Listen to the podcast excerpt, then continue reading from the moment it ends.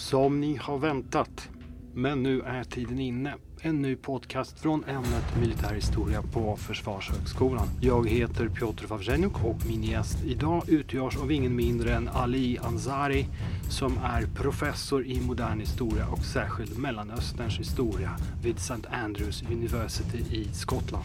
Ämnet för dagens samtal är det militära samarbetet mellan Ryssland och Iran och vilka eventuella ömsesidiga fördelar det kan finnas för de bägge staterna i och med samarbetet huruvida och i vilken utsträckning antiamerikanism och antivästernism underligger samarbetet, dess betydelse för geopolitiken i närregionen och för de bägges position i världen.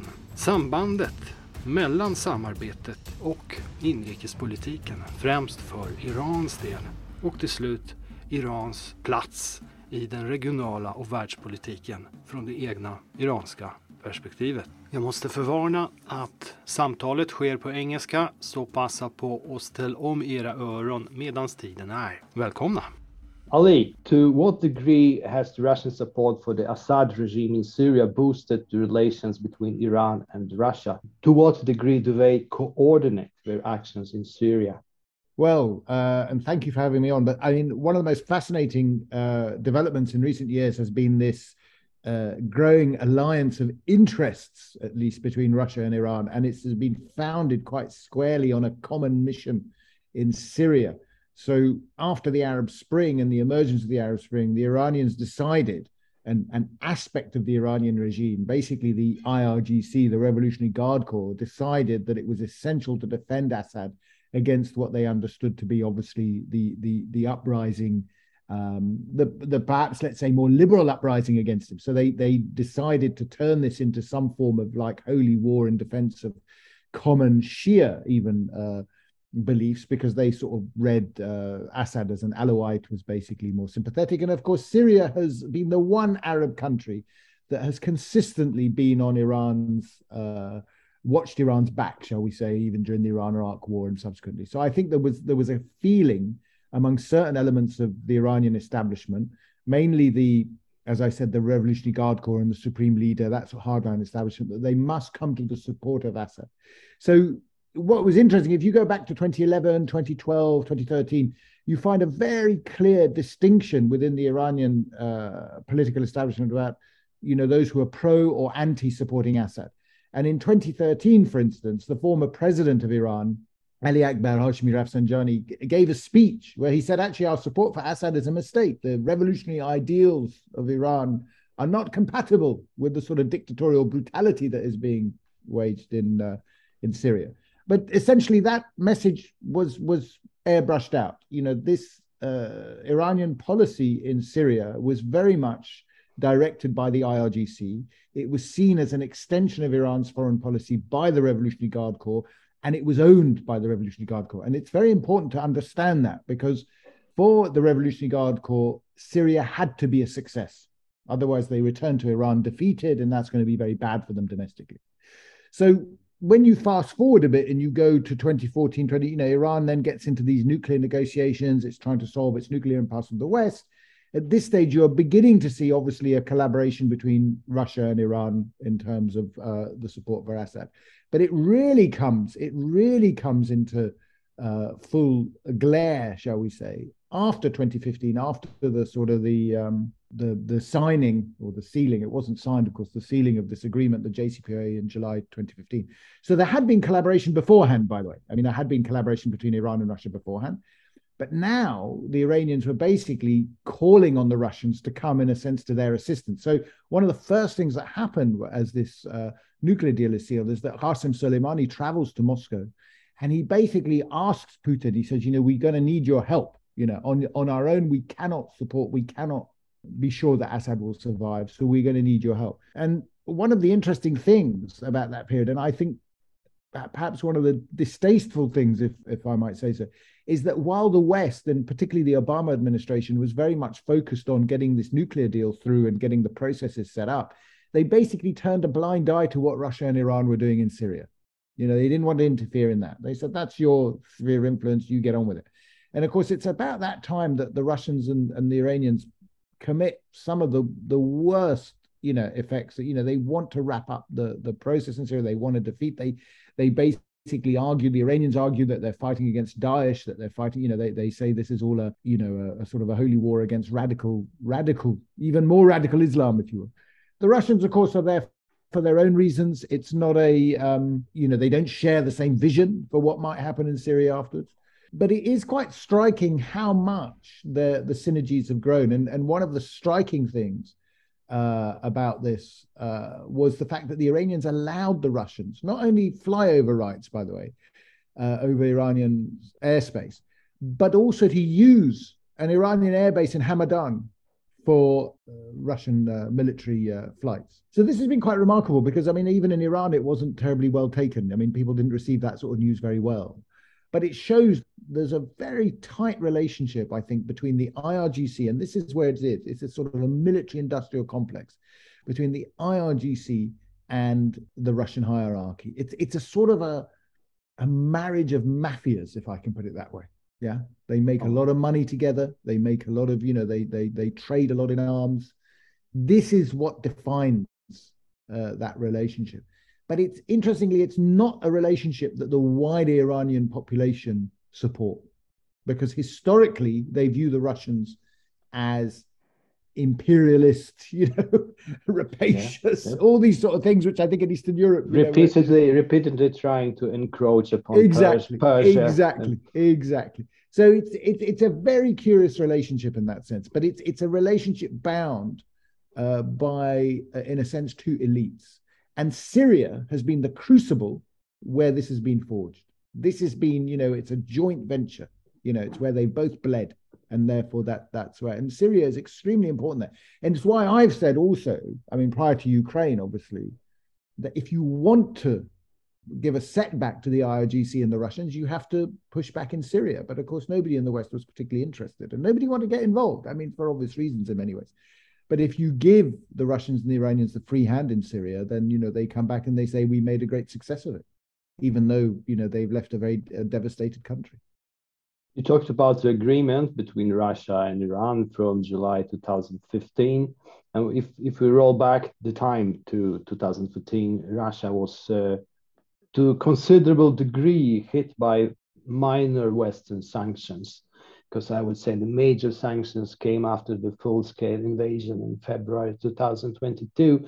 But there was this wave of anti Westernism in Russia in the spring and summer of uh, 2014 because of the sanctions.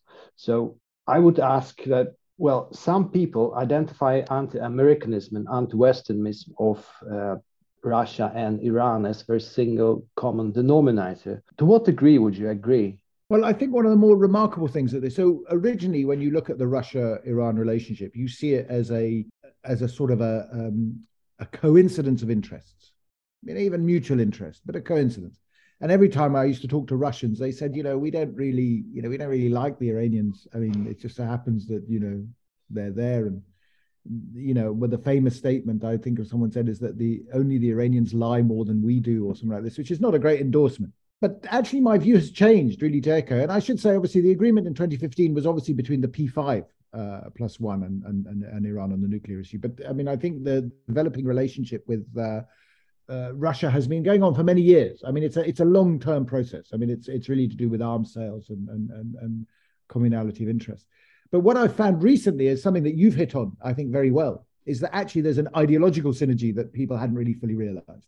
And we sort of picked up on this, or I certainly did, uh, I think it was last spring, Putin gave a speech, and he gave a speech, a very anti-Western speech.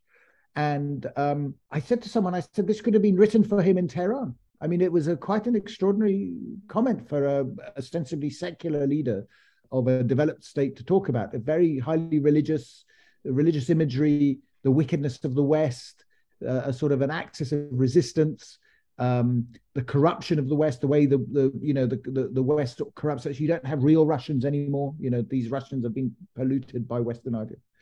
And I, I just thought it was it was remarkable. And I think this mutual loathing of the West and what the West represents is something that binds very much the leaderships of, uh, of, of, of Iran and Russia in a way that, to be honest, I hadn't really fully appreciated till this year. You mentioned uh, increase uh, boost in economic relations between Iran and Russia uh, that has occurred since 2015. Uh, how important are the economic ties to the Iranian regime? Well, the interesting well, the interesting thing here is, I mean, another thing that you point out on is the sanctions. You know, so sanctions have made life a lot, lot more difficult. And one of the arguments, even over the um, even over the, the, the fact that the JCPOA has not been renewed, you know, so people wanted to go back to the JCPOA even in February, March. They were saying that we would return to it. And there was always this wonderful, very optimistic Russian ambassador at the IAEA, Ulyanov, who every two minutes would say, We are on the verge of signing, we are on the verge of a success. And everyone would say that he's drinking too much or something. I mean, it's just not working out very well one of the reasons why they feel that didn't work out is because after the invasion of Ukraine and the slapping on much more serious sanctions on Russia, it soon became apparent to the Russians that they would not benefit from a renewal of the JCPOA because their whole ambition was that you know the JCPOA would be renewed, the sanctions would be you know uh, uh, lowered, diminished against Iran, and uh, Russia would be able to renew its trade relationship with Iran and benefit from that. Because, of course, Russia also understands that the Ayatollah Khamenei, the leader of Iran, is not interested in a trading or economic relationship with the West. I mean, his people are interested in it, but Khamenei is not interested in it. Khamenei is just interested basically in, in consolidating and reinforcing the relationship with China and Russia and other things. But the sanctions have obviously made it much, much more uh, difficult, but it's clearly there. You know, I mean, it clearly is there sort of in the underground and some major, it's particularly in the nuclear industry and others. It's the Russians that are basically collaborating with Iran. I think this the the, the main trading relationship between Russia and Iran is in arms. Which, interestingly enough, recently we've seen in the other direction as the Iranians are sending these kamikaze drones or selling these kamikaze drones to, to Russia. But really, the the the the issue is is really that the um, the Iranians have done a very very healthy trade in the past in arms from uh, originally obviously from the Soviet Union and then of course from Russia.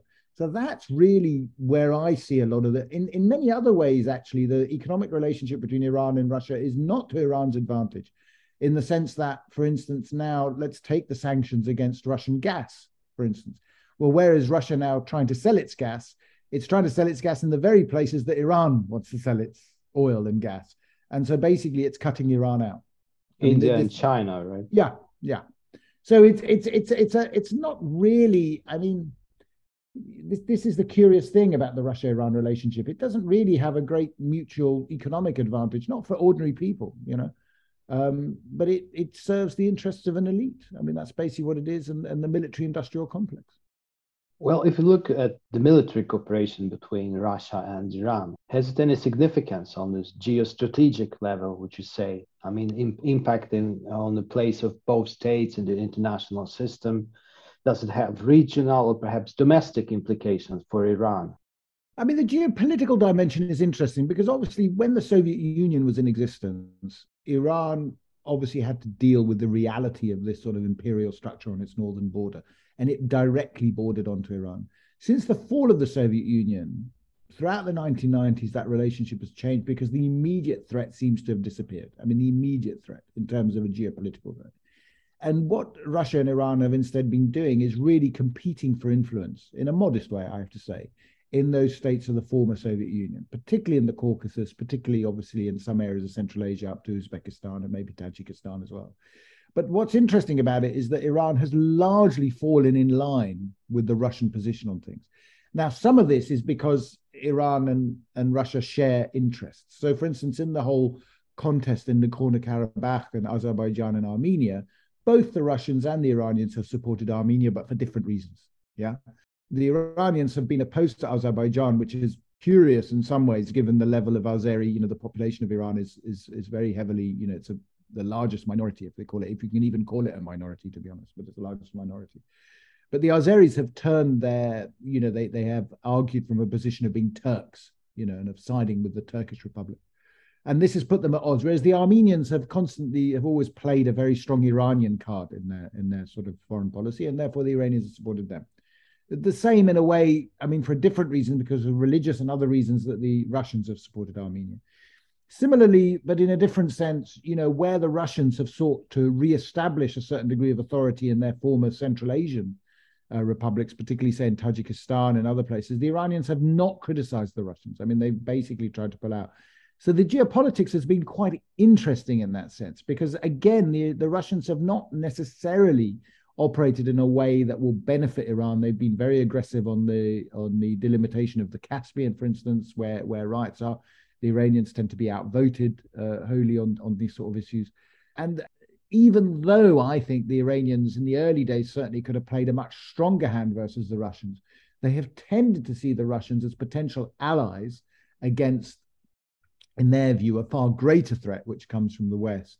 But it's, you know, I think in a longer term view, you know, the, mis- the, mistake the West has made, effectively, in, in my view, certainly, in the Middle East as a whole, in that region as a whole, is to basically abandon it uh, to the Russians I mean that, that you know that what the Russians have said to you know anyone who will listen in the Middle East is we will stick with you. We will stick with you through thick and thin. We don't care whether you kill people. We'll stick with you. Uh, the Americans, the British, the Europeans, others, you know, have always been, you know, had to play the morality card, if I can put it that way, the ethics, and will not do that. But also because of Iraq, Afghanistan, and others, the United States is exhausted. It's not interested anymore. It wants to withdraw. So, you know, I always say to people the reason why the Iranians and the Russians have done so well in the Middle East is not because they're they're particularly good at it. It's because we have left the field empty. We have we have left basically it's because they are still there. Yeah, they are still there and we're not. We will see if they will have resources enough to stay there. I, I suppose they will they will do their utmost to to do so. Uh, given the, the amount of, of time and money invested, particularly in Syria. Well, it's it's very interesting to see, and I think you know this will be something to think about going forward. That given, and I mean this is this will be fascinating. Given the amount of effort and expenditure and finance going into the war in Ukraine, whether that will mean ultimately, obviously, that the Russians will have to pull out of some of these areas, and and interestingly enough, if the Russians do, uh, you know, I don't think the Iranians are going to be able to manage it on their own.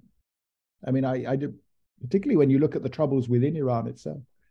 I think it will certainly be a test for Russian Russian commitments to the Middle East, because now we can see that the resources are shrinking. We can see movement in Central Asia, but also in Caucasus. Uh, we viewed this short short-lived conflict uh, between uh, Azerbaijan and Armenia uh, around a month ago. yeah. So the, the things are happening that Russia is not really controlling, and nobody is even consulting them. Well, that that's the interesting thing. I mean, they they will be seen. I mean, the, the interesting thing is whether they are seen as a busted flush in the sense that, as you say, they simply don't have the resources to to actually come to the assistance of these uh, of, of these allies. Now, I mean, I suppose one of the things we have to be aware of is, of course, the Russians. I mean, I, I think you might know better than me, but I suspect in terms of sheer finance, um, they're probably still, you know, drawing in. I mean, I don't know how much the Europeans are still paying them for gas and and and, uh, and other resources. I mean, obviously that's winding down, but um, they probably still have a fair amount of capital left. Whether they have uh, whether they have the, the the technical equipment, you know, is, an, is another matter. Well, We will see. And and and I should say the political will. yes, yes, uh, certainly. And I mean, what, what, what, about the domestic implications of uh, military cooperation between Iran and Russia? Are there any? I think it's it's fascinating to see uh, the the divisions of opinion in Iran. I mean, there's no doubt about it. As I said earlier, you know, there was a huge disagreement even among the elite uh, about cooperating with Russia in Syria. People didn't think it was the right thing to do. But you know, historically, and you know, I think you will appreciate this too. You know, historically, uh, Russia is not popular in Iran for for the fact that it's seen as an aggressive imperial power. And in the 19th century and the early 20th century as well, you know, the Russians were constantly attempting to seize Iranian territory. So in the in the popular consciousness, if I can put it that way, there's huge, huge uh, suspicion of Russia. And in 2009, when you had the Green Movement, what was fascinating was when people came out and protested. You might see this again now, by the way. I mean, it hasn't happened yet. Um, people were coming out, you know, normally the so so the you know these protests or at these sort of like Friday prayers, someone would come out and say, chant death to America, death to Israel, death to Britain, and the crowd would go back, death to Russia, death to China, death to, you know, I mean, it it was very interesting. I mean, you know, people are not interested because they see the Russians also as being some of the key advisors to the leadership in, in Iran. So when the Green Movement was put down, uh, a lot of people believe that the Russians, you know, had helped the regime, you know, put down what they considered to be a colored revolution, you know, on the model of what they had done in Ukraine. So, you know, there's a lot of interesting overlaps with this as well. I mean, one of the things that I, you know, I'm grateful for this podcast in a way is that you know, we often look at the regions of the world in these very distinct categories, you know, Europe, Middle East, whatever. But actually, you know, the the the the overlap, the the the sort of the the uh, the these protests, these revolts, these relationships, they sort of bleed into each other. You know, that that Russia and Ukraine, Russia and Iran, Iran and Ukraine, whatever. These things all overlap, and they all, you know, they all have uh, they all have reverberations for each other in that sense. They certainly do. We have uh, very physical proof of that Iranian drones over Ukraine. Mm. I mean, it is extraordinary actually when you think about it that the Russians are now depending on, you know, um, uh, the the Iranians sending them these drones, and they're not meant to be very good drones, as, as I understand. I mean, you may be, but they, they they just seem to be a lot of them or something. Is that right? They do. They, you know, it's the same tactic as the Iranians have in the Persian Gulf, where they have all these very small boats, but they have lots of them. Uh, they're not very good, but they have lots so, of them it's about swarming swarming right. the enemy uh, ali would you would you call iran a regional power or a power with influence far beyond its neighborhood um, I think it is a regional power. I mean, I think it likes to think it has influence far beyond its neighborhood. I don't think the influence is as great as it supposes. So it, it's tried to expand, for instance, in Africa. It thinks it has a lot of soft power even than the West. And I mean, in some cases, again, we've been far too liberal in this, you know, in allowing various sort of Islamic centers and others to pop up in Western capitals and other cities where where they can push their ideas. But I don't think their ideas have that much traction or that much, you know, okay, you have press TV that puts out this stuff and they pay a lot of money to hire the more dubious um, and gullible politicians or ex-politicians to come and um, uh, work for them. I think they're definitely a regional power. I mean, they've had a regional hold, and you know, the areas where I think Iran is most influential are obviously the old areas of what I would call the Persian patrimony, you know, the larger sort of uh, uh, Iranian near abroad. So the areas where Iran has, I think, uh, even legitimate interests, uh, to be honest, and, and an influence, so sort of in Afghanistan, certainly in Western Afghanistan, Herat province and every, which is very strong sort of pro-Persian or Persian cultural sort of uh, legacy. Obviously the Caucasus, Azerbaijan, Armenia, Georgia, bits of Central Asia, certainly Iraq, I mean, certainly Iraq has been, and and and you know, obviously the Iranians have a very strong vested interest to have some sort of influence there, given the eight-year war between 1980 and 1988. And of course, you know, we should not forget that the Persian Gulf always remains Persian. You know, I mean, they don't like the idea that we talk about the Gulf. And for them, it's, you know, the, the, the name means something for them, that this is their backyard, it's their sea, and this sort of thing. So I think those areas, that sort of concentric circle, if you were to put it, that circle of interest is, I think, the legitimate area of interest where they have the most influence. And they have the most influence because there are cultural links, there are linguistic links, there are religious links in some cases, uh, but there's a sort of an understanding. When you go further afield to Syria, uh, you know, towards the Mediterranean, towards Yemen, for instance, it's less clear how effective they are. It's less clear. And yes, they do try to have a certain amount of influence, uh, and certainly we've seen in Syria. But it, but it's interesting, as as we were saying earlier, that without the Russians, I don't think they would have been able to handle it. I think Iraq is a separate matter. It's also because I think also people in Iran are less interested. If you said to Iranians, you know, should we be involved in Afghanistan, they would say probably yes. If you say to Iranians we should be involved in Yemen, they would go, well, you know, I don't know. You know, I mean, it doesn't make sense to us. So there are clear areas of delineations of Syrian of influence. I think while Qasem Soleimani was alive, they also had a much better reach in the Arab world because Qasem Soleimani was an Arabic speaker and he built up a network of relationships over many, many years. But Qaani, the current leader of the current commander of the Quds force, is not an Arabist. He doesn't have that network. And it also emphasizes to us, by the way, how deeply personal these relationships are. Um, and they're built over time. And when you knock out individuals like this, um, you know, Iran's influence suddenly retreats, you know, it constrains. They don't have the same sort of type of influence. But I definitely would define Iran more as a regional power. And I think this is a historical reality, if I can put it that way. uh, but certainly not a not a global power. This whatever its whatever its pretensions or aspirations are. Ali, just one thing for our listeners: uh, sure. Soleimani mm. was the general assassinated by the U.S. That's right. He was assassinated in January 2020. 2020, 2020. Yeah, yeah, January 2020, just before COVID struck us all, I think. Um, so Qasem Soleimani was the very, I mean, very interesting character, a devotee of the supreme leader. Um, I think he was in some way glamorized, in, even in the West. I mean, I think even some Western, uh, certainly Americans, tended to sort of, um, I mean, idolize is too strong a term, but there was an element where they started to puff up the myth of Soleimani. And he certainly was a very interesting character, but nobody should have any doubts over where his political or ideological allegiances were. I mean, there's there's no doubt and yes, his uh, Trump's decision to assassinate him has had very mixed results in that sense, because obviously he had a certain amount of control over the networks in Iraq and other areas, and of course, eliminating him has meant that you know whether you like him or loathe him or whatever, at least there was someone there who you know one could communicate with, who could then um, uh, acted as a sort of a, a a node for all these other groups, all these other militias that are running around as a historian, I really enjoyed you mentioning several times over our yeah. our conversation Persia and the Persian heritage because yeah. you, because it's it it underlines the importance of history and, and you mentioned per Persian heritage when you were talking about the regime and Iran as a reg- regional power but what is the popular view of the Persian heritage yeah i mean i think i think there are just for the benefits of your listeners, we should clarify here that Persia, of course, is just the name that Western countries gave to the country Iran. Okay.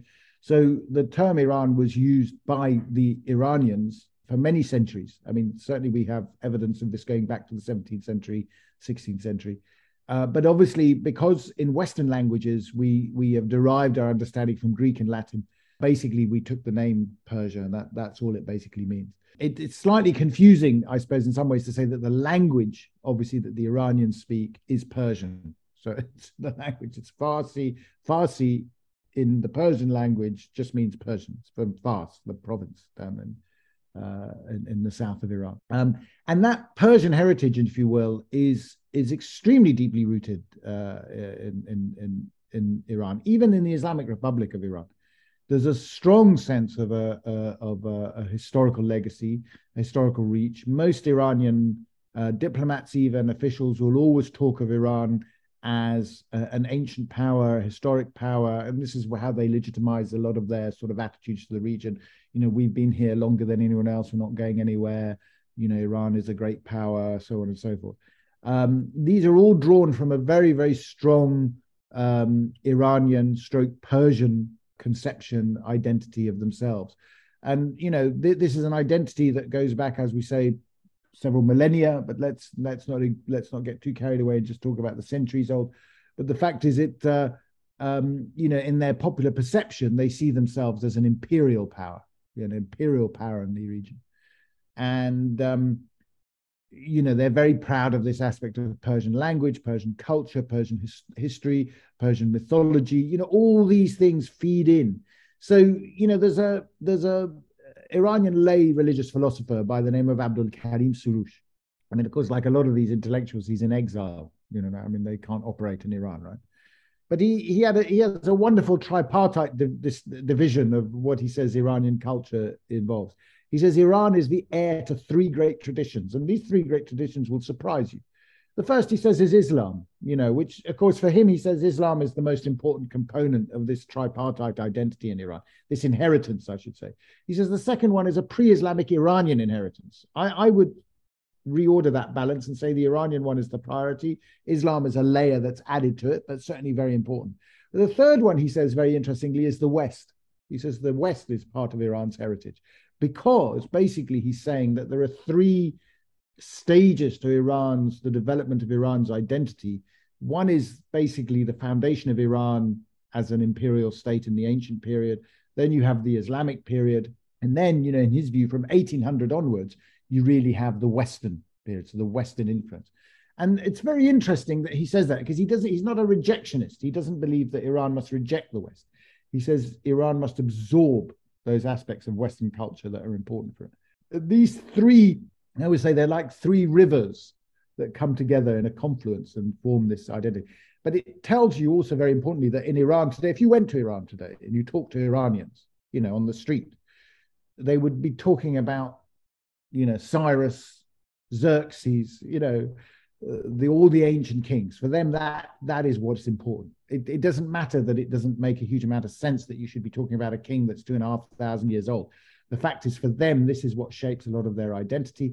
And every year now, you know, for instance, people go to the tomb of Cyrus the Great, you know, down in in in, in Fars province, in part in the Persian heartland, and they go and do a, a, a, sort of a ceremony there in front of his tomb. I mean, it's very, it's sort of like popular popular religion, if you will, you know, where people are going out there celebrating that notion of their of their ancient identity and, and what they consider to be their their their Iranian roots. Ali, you mentioned the imperial memory or memory yeah. of the of the empire, the Iranian empire for centuries, if not millennia. But are there also imperial phantom pains? Uh, in, I think that's a very good way of putting it. Yeah, in, in, in experience in the way Russia experienced them. Yes, Russia suffers absolutely. badly from imperial phantom pains. And yeah, yeah, there's no doubt about it. I mean, it depends. You know, I always used to joke with my Austrian friends, you know, that I, I you would go to Vienna and I said, Vienna is an imperial capital without an empire. You know, it sort of sits there. It's now, you know, shorn of the Austrian Hungarian Empire. But it has a certain sense of itself, Vienna. You go to Vienna, it has a certain sense of itself. And I said that, uh, you know, in Iran, they have a certain sense of themselves. And you're absolutely right to point out this sort of phantom pains. There are people there undoubtedly, without my, who would like to relive. you know, now what I would say to people, and this is something that you know, hopefully we can uh, this thing. You know, but I, have talked to journalists, and they sometimes think that what Iran is talking about is, uh, you know, the ancient uh, Achaemenid, you know, Cyrus and Xerxes and all this. No, no. I mean, that's not the case. You know, Iran considered itself an empire until very, very recently, right? So its imperial memory is actually quite recent. You know, in the 18th century, um, Iran had its last flourish of imperial expansion when it invaded India, took over Afghanistan. It basically created a much, but it lasted very briefly, really, the life of its founder, who then died in 1747, Nader Shah. But it's interesting, you know, I, I when I used to go to Iran, I went to the tomb of Nader Shah, which is in Mashhad, and there was a you know, there was a sort of a, a, a reciter there. So he was reciting a poem, you know, and there were a lot of young people were standing there. Thought it was fantastic, whatever. And his poem was complete historical garbage. I mean, he was talking about Nader Shah invading Moscow, invading this, the conquering that, conquering. And I said to I said, you know, I don't think Nader Shah ever went to Moscow. He said, don't ruin the poetry. The poetry, the rhyme is better. And it was this sort of idea, you know, that people enjoyed this notion that they're a great power. Now, I'm not saying that's something that uh, ordinary people want to realize or want to develop. But what is what has been very interesting to me is that the the um, the global war on terror. So what, what has happened since 2001 is the United States basically knocked out two powers: Afghanistan, the Taliban, and and Iraq, Saddam Hussein. And what this did is it allowed Iranians in the political establishment to suddenly think about you know, to think about realizing some of their dreams. Do you see what I mean? And for them, it's not an Achaemenid empire. It's about the Iranian, what they consider to be. Uh, the, the, there's an old term called Iran Shah or Iran Zamin, the empire of Iran. And the empire of Iran is basically bounded by the Indus, the Euphrates, the Caucasus, and the Oxus. You can see this. It's a it's a greater Iran, if you will and I think that's something that really does motivate people. It's it's it's more than a phantom thing. It's it's actually something that people see as the legitimate patrimony of a greater Iran. But it's not, you know, I think some people in the West get it wrong by looking back to this, you know, uh, Cyrus and Xerxes. That's not actually what people are most preoccupied with. It's what we might term if, if you know the pre-Islamic Sasanian Empire is what people are really looking at. It features a lot in the popular imagination, and um, while I would say the vast majority of people see it as a literary trope, there's no doubt in my mind there are some people in the regime, in the current regime even, who who who see it as something that can be realized. So in that sense, there is also, as you say, a strong uh, compatibility or synergy with with Russian with with, uh, with with Russian grievance, if you can put it that way. And the, the other power that's similar to in some ways, of course, is China. Yeah, because China also has this view of it. It's this idea that really we are a great power and we need to restore our great power status. Stort tack till dig Ali och tack till er som lyssnade ända hit. Vi hörs i en betydligt närmare framtid än sist. Adjö, adjö.